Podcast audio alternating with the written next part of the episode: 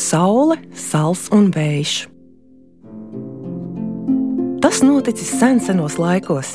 Saule, sals un vējš gājuši reiz pa ceļu, un iedami visi trīs savā starpā sarunājušies. Saule teikusi: Es esmu stiprāka par jums abiem. Sals sacīs: Nē, es esmu stiprāks.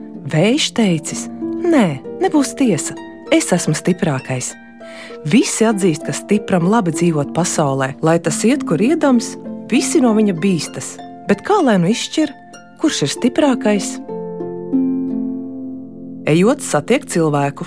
Tas būdams godavīrs, satikdams gājējus, noņem cepuri, paklanās un iet tālāk savu ceļu.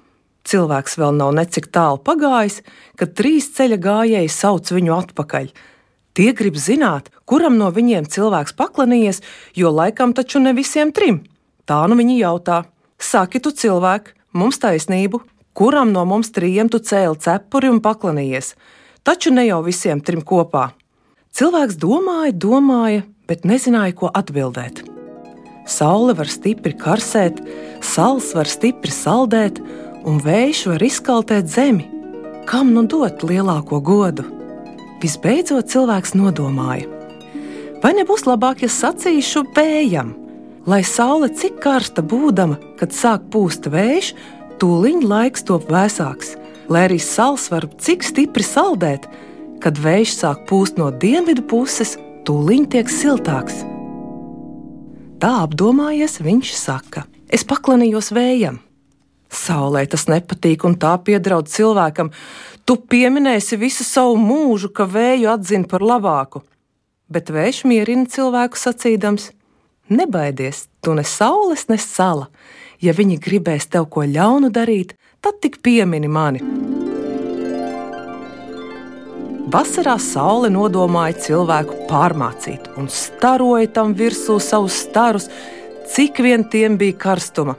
Cilvēkam kļuva tik karsti, ka nezināja vairs, kur dēties.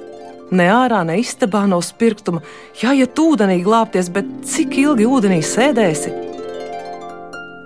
Tad cilvēkam ienāca prātā vējš, un viņš iesaucās. Kaut jau vējiņš sāktu pūst, nebūtu vairs tik karsti, un vējiņš tūdaļ sāka pūst no ziemeļu puses. Laiks pamazām kļuva vēsāks, cilvēks atkal varēja strādāt savu darbu, un saulē bija jāatzīst, ka vējš tomēr ir stiprāks. Ziemā arī sāls gribēja cilvēku pārmācīt un uzsūtīja tādu augstumu, ka cilvēkam pat istabā sēžot jāvelk kažoks mugurā. Cilvēks atkal atcerējās vēju un sacīja, kaut jau vējš sāktu pūst, tad arī mākoņi sāktu staigāt un augstums pierimtu.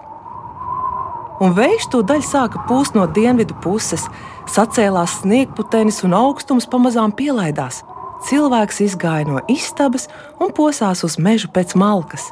No arī sals redzēja, ka vējš par viņu ir stiprāks un ka nav vērts vairāk spēkoties.